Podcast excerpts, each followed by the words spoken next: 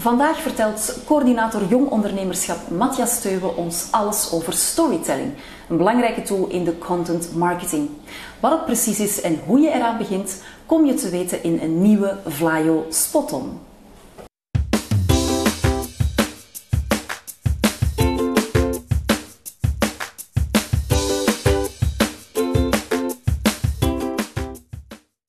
Matthias, je werkt bij VOCA. Wat doe je daar precies? Klopt. Uh, VOCA is de grootste netwerkorganisatie in Vlaanderen voor ondernemers, groot en klein. Dus je kunt als CEO van een grote multinational uh, bij VOCA terecht, maar ook van een lokale zakenleider van een KMO of als startende ondernemer.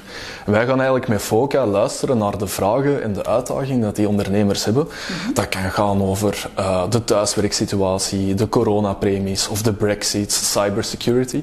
En wij gaan eigenlijk proberen om die vragen mee te pakken naar de politiek toe, uh, we hebben een dedicated team dat echt telefonisch beschikbaar is om antwoorden te bieden op die vragen. Of we organiseren informatiesessies rond bijvoorbeeld de Brexit, zodanig dat die ondernemers weten van oké, zo moet ik mij voorbereiden op wat er zit aan te komen. Dat is één luik. Het tweede luik is uh, netwerken. Wij geloven bij Voca dat het gewoon super belangrijk is om je te laten omringen door heel veel uh, andere ondernemers, zo gaat het echt vooruit. En wij organiseren heel wat netwerkevents rond thema's. Duurzaam ondernemen, internationaal ondernemen. Uh, maar we hebben ook regionaal gebonden netwerksessies. Uh, ondernemers verbinden in het Mechelse of in de Kempen of waar dan ook. Zodanig dat je weet van oké, de mensen die eigenlijk achter mij uh, in de buurt wonen, uh, met wat zijn die bezig en wat voor coole dingen doen die, dat is, dat is het netwerkluikje. Mm -hmm. En dan het laatste luikje, daar ben ik vooral actief in, en dat is begeleiding. Uh, je kunt als ondernemer je laten begeleiden bij VOCA, ook als starter. En dan kom je bij onze starterswerking Brio terecht. En het toffe daaraan is, is dat je echt in een groep terechtkomt. Dus wij doen al onze begeleiding in groep. Je komt dan terecht bij een groep van 15 andere starters. En het leuke is dat die in dezelfde situatie zitten als u. Uh, en soms kun je niet meer uw vragen of met uw uitdagingen thuis terecht, bij uw ouders of bij uw familieleden of bij uw vriendin. omdat die oftewel heel bezorgd zijn van ja, nee, niet doen, je neemt te veel risico. Of die zijn te positief. Dan applaudisseren die voor alles wat je doet. Als je een webshop hebt opgestart, dan denk je, je goed en dan mag je al één bestelling.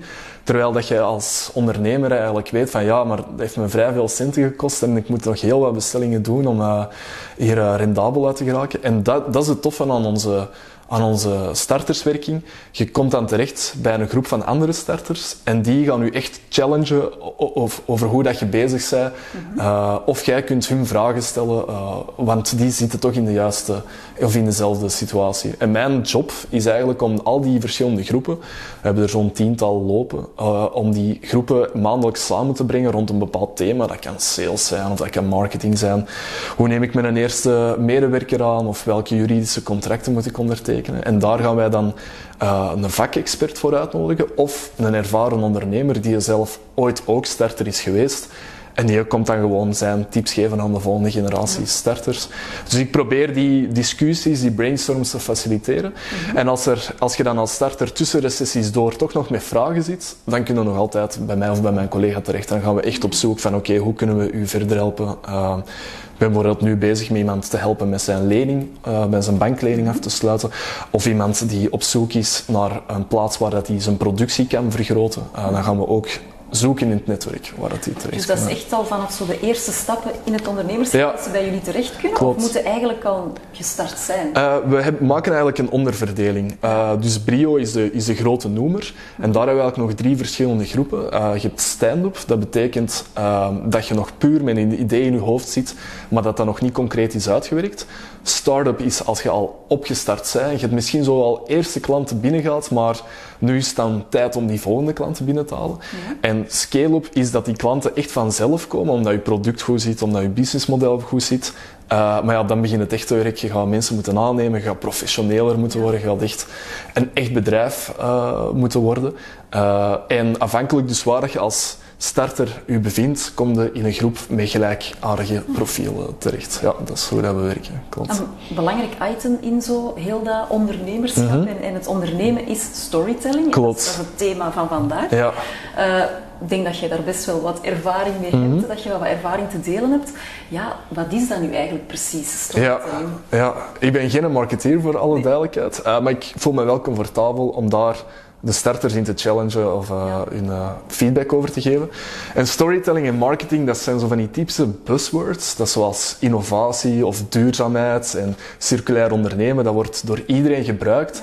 Maar dat zijn van die holle begrippen geworden. Niemand weet wat dat eigenlijk echt wil zeggen. En voor mij is marketing ten eerste is dat een, een strategie.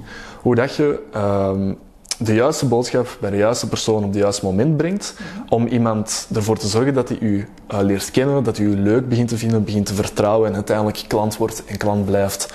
Eh, en het woordje strategie is daar echt super belangrijk in, omdat ik zie heel veel starters, eh, maar ook mini-ondernemers. van allerlei verschillende marketingacties doen. Ze gaan dan eh, een Facebookpagina maken en eens een website met Wix maken en eh eens een flyer maken.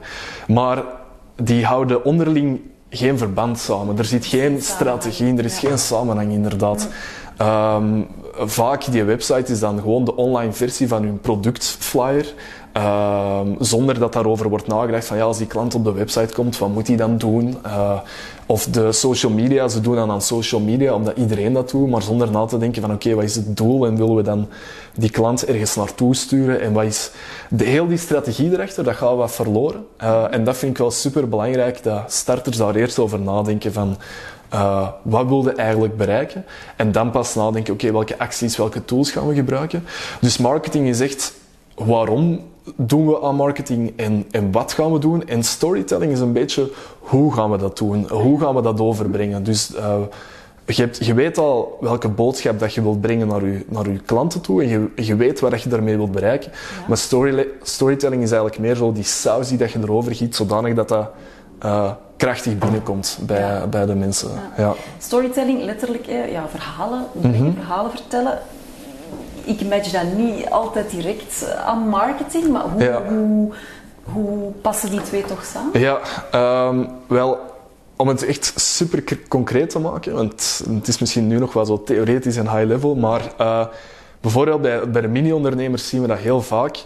Eh, als die aan ehm, marketing doen, bijvoorbeeld, eh, je hebt een klas in het zesde middelbaar, eh, economie wiskunde, en zij gaan op het einde van het jaar met heel het zesde middelbaar op Italië reis. Dan gaan ze voor hun mini-onderneming truien bestellen en ze gaan die dan personaliseren. Je kunt dan je naam of je bijnaam en je klas daarop zetten. En dat gaan ze dan verkopen voor een mini-onderneming. Wat je dan heel vaak ziet, is dat die social media posts en die flyers heel hard gericht zijn op die truien zelf, op dat product. Ja. Eh, van oké, we verkopen een blauwe trui, een zwarte trui, eh, met een kap. Het zijn zachte truien en je kunt personaliseren.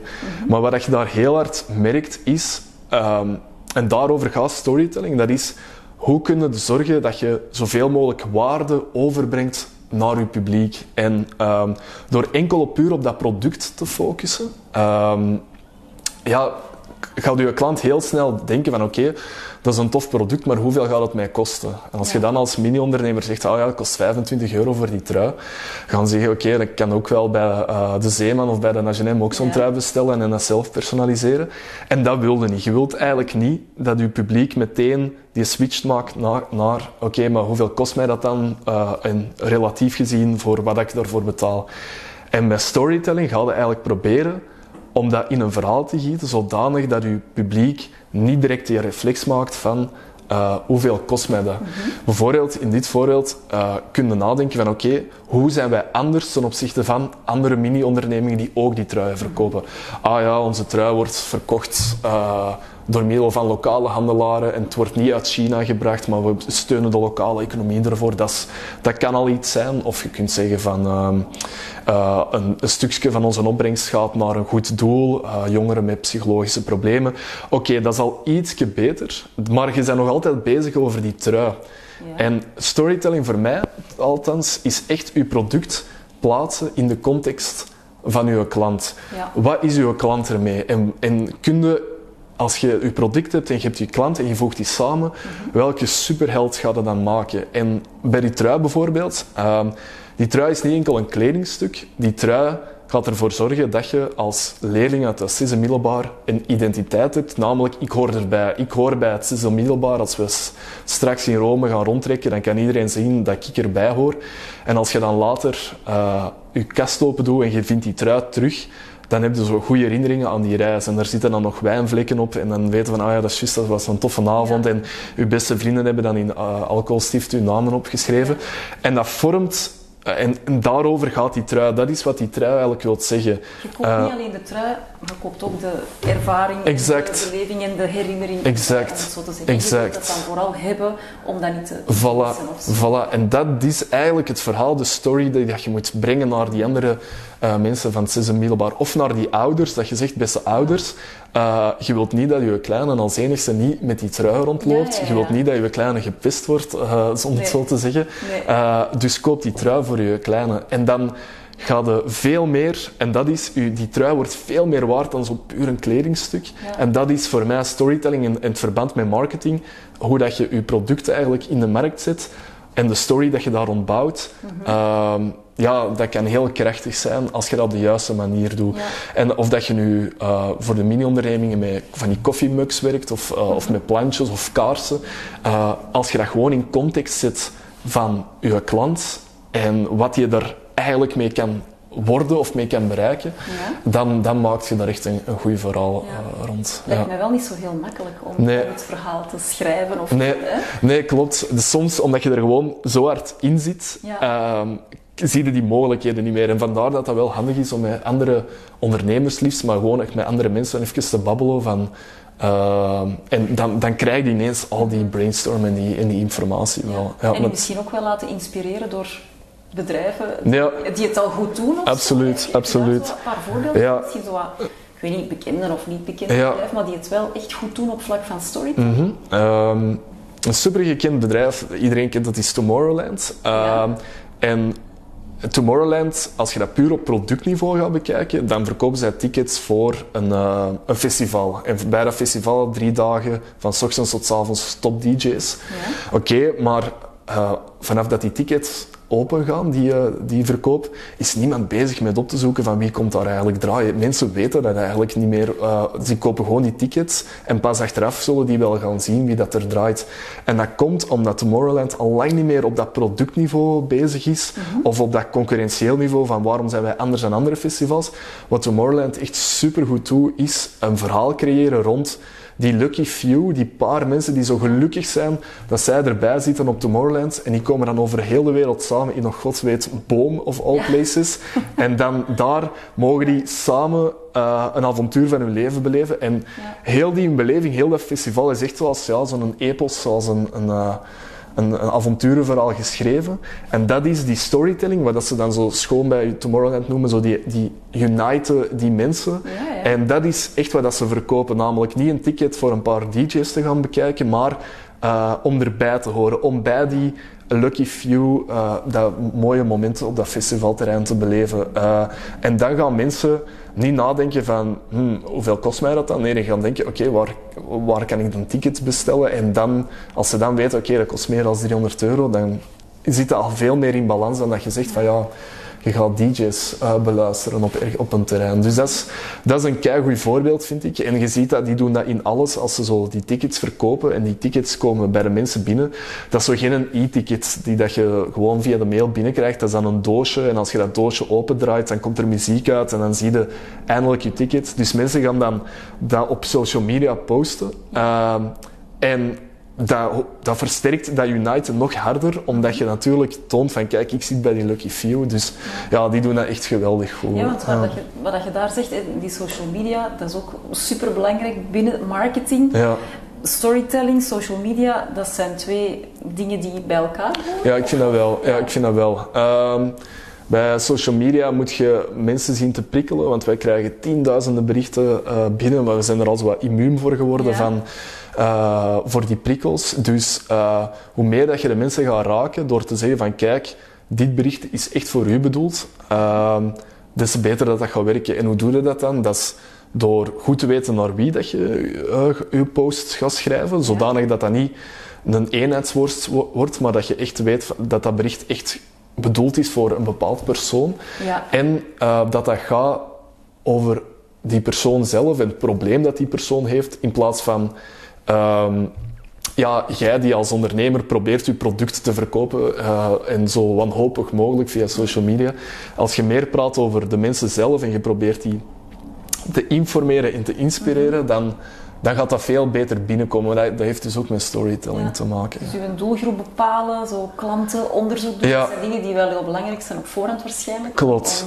Allee, om dan te weten wie dat je... Ja, dat is zoiets, dat, dat, doen, dat doet geen enkele starter graag. Die willen dan meteen weten van oké, welke tools kan ik gebruiken en hoe moet ik die post uh, gebruiken en welke hacks zijn er om die aan zoveel mogelijk mensen te tonen. Maar echt de essentie zit nog altijd bij oké, wie is eigenlijk je klant? Uh, en oké, waar struggelt je klant mee? Mm We hebben iemand uh, bij ons in de, in de starterswerking, uh, Laura van Chinu, en zij heeft een eigen hondentherapie-coaching uh, in Turnhout.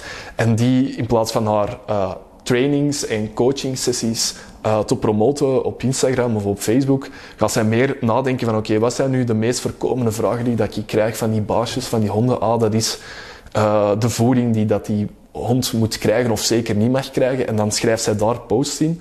En dat over. En dat is echt uh, hoe dat zij vertrouwen krijgt. Ja. En dan zullen de mensen wel komen uh, over die trajecten. En ze zal af en toe eens haar trajecten ook promoten.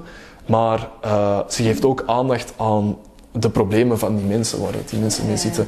En dat is niet gemakkelijk, want je kunt nu zeggen, oké, okay, ik verkoop uh, een puur product. Ik zit in een winkeltje in Mechelen en ik verkoop uh, taart en koffie. En ja. ja. die mensen hebben eigenlijk helemaal geen probleem. Hoe kan ik daar dan een post over schrijven? Maar dan moeten we meer gaan nadenken over wat, met wat zijn die mensen nog bezig dat ik hun kan inspireren. Ja. Uh, Oké, de mensen die naar Mechelen komen, uh, okay, die gaan oftewel daar een dag shoppen of dat zijn dagtoeristen. Oké, okay, wat kan ik dan schrijven van content uh, dat die mensen kan inspireren? Ah, oké, die mensen die, die willen weten welke leuke tien boutiques dat er in Mechelen te zien zijn of welke toeristenplaces dat er zijn die dat nog niet gekend zijn. En als je daar dan uh, een blog over schrijft of een post over maakt en je zorgt natuurlijk dat die mensen in het midden van hun wandeling even bij je uh, gebakhuis passeren en dat ze daar een koffie kunnen drinken, oké, okay, dat is goed meegenomen, maar dan, uh, dat is goede content. Maar dat is echt u in de in de voeten schuiven van, ja. die, van die mensen en gewoon zien met wat zijn die mensen bezig.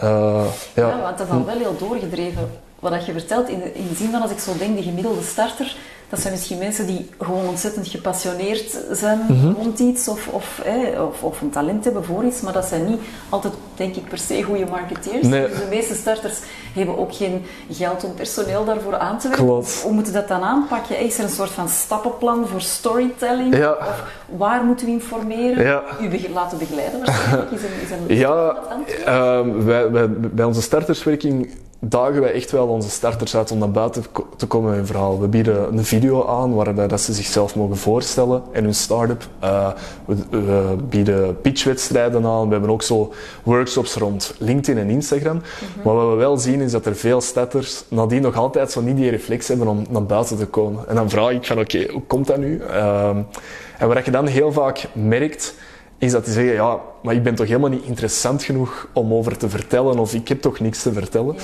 En eigenlijk is dat super raar, want jawel, je, je bent dag in dag uit met iets bezig, je weet daar kei veel over, maar je zit er zo hard in uh, dat je niet weet hoeveel dat je eigenlijk echt weet. En, en uh, gewoon de reflex maken van oké, okay, welke tien vragen hebben mijn klanten? Of als, als ik een vraag krijg van een klant, even de reflex maken van hmm, is dat een one-off of zijn er, wel, zijn er meerdere klanten die daarmee struggelen? En dat is echt een ideale voedingsbodem om rond te gaan schrijven. Uh, maar altijd vanuit het perspectief van die klant ja. en niet vanuit jij die uh, iets wilt verkopen, want dan zijn er bij die ander 10.000 prikkels per dag. Ja. Um, maar dat is niet gemakkelijk. Het andere, wat ik ook heel belangrijk vind, is dat je gewoon vertelt over jezelf als ondernemer. Mhm. Je hebt uiteindelijk de keuze gemaakt om uh, ervoor te gaan. Je steekt daar keihard centen in, keihard tijd, je pakt alle risico's. Uh, ja, en je bent echt de minderheid nog steeds. Uh, dus al die mensen die kiezen voor een veilige job, die hebben daar echt wel heel veel respect voor. En die willen dat ook wel lezen of volgen, hoe dat je hoe dat je start. Ehm, mensen vinden dat gewoon heel leuk om langs de zijlijn voor andere mensen te supporteren.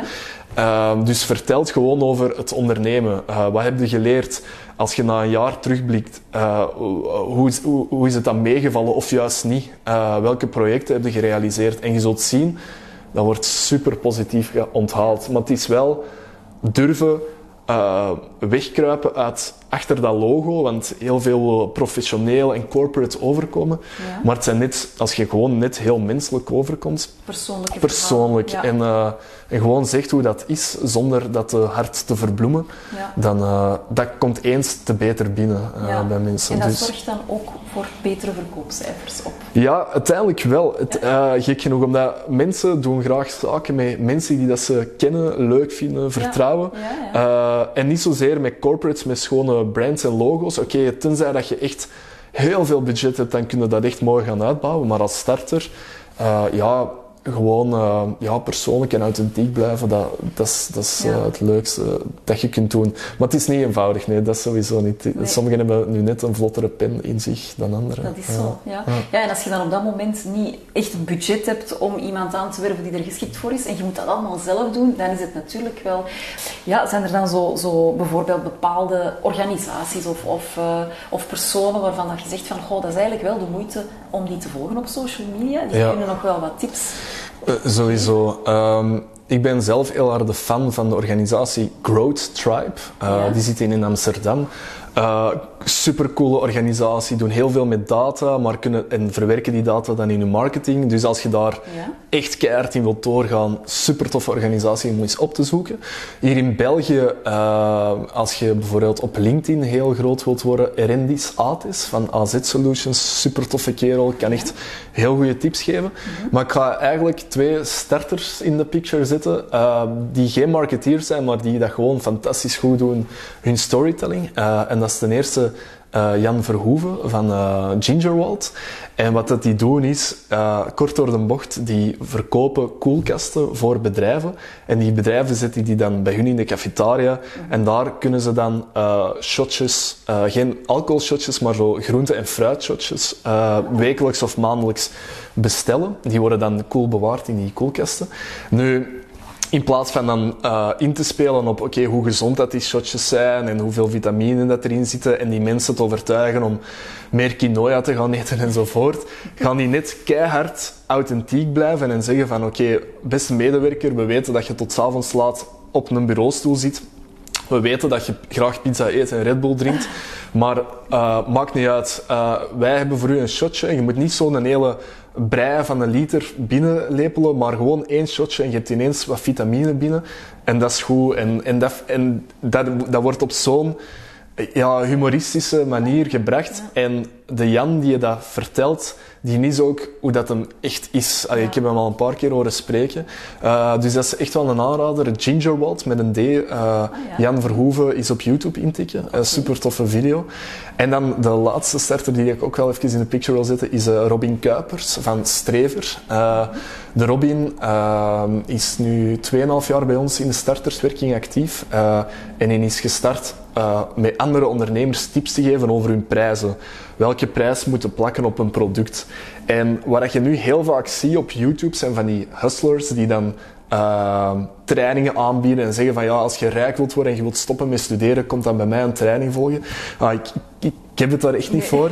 Maar wat de Robin is, doet dat helemaal op een andere manier. Die in plaats van te zeggen van ja, je kunt rijk worden enzovoort, speelt hij speelt heel, heel hard in op de gemoedsrust van die ondernemers. Van als je weet welke prijzen dat je uh, kunt vragen en dat is onderbouwd, of ik heb voor u marktonderzoek gedaan dat dat onderbouwt, ja. dan gaat het met veel meer vertrouwen en plezier een verkoopsgesprek aangaan, want prijs komt dan altijd wel eens ter sprake, maar dan kun je met, met zekerheid zeggen van oké, okay, het is dat waard, ja. of als je het niet zo vindt, oké, okay, dan doen we geen zaken, want heel veel starters gaan dan in prijs zakken. Ja. Uh, maar zijn storytelling is dus niet gebaseerd op uh, welke trainingen dat hem geeft of hoe dat je snel rijk kunt worden. Nee, hij speelt echt in op zo, ja, het eindresultaat weer, de context van die, van die ondernemer, namelijk, ah ja, eigenlijk, uh, met, mijn, met die trainingen ben ik gewoon veel zelfzekerder. Ja. Uh, en vind ik gewoon super slim gezien, want dat is heel herkenbaar. Uh, Zo het comfort verkopen van in een verkoopsgesprek voilà. te zitten en misschien te denken van, hoe moet ik mij... Hè? Ja,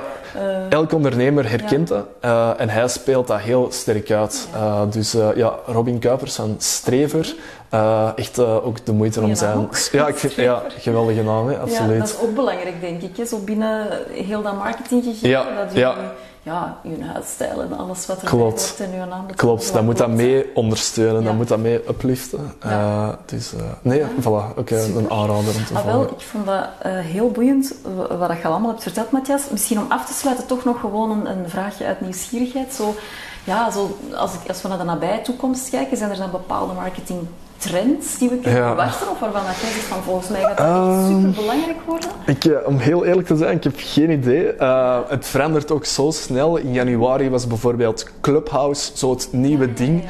En nu hoor ik daar niks meer van. Maar je hoort dan artificial intelligence wordt meer en meer belangrijk. Maar ik denk wat het allerbelangrijkste is, is gewoon doen. Gewoon eh, proberen.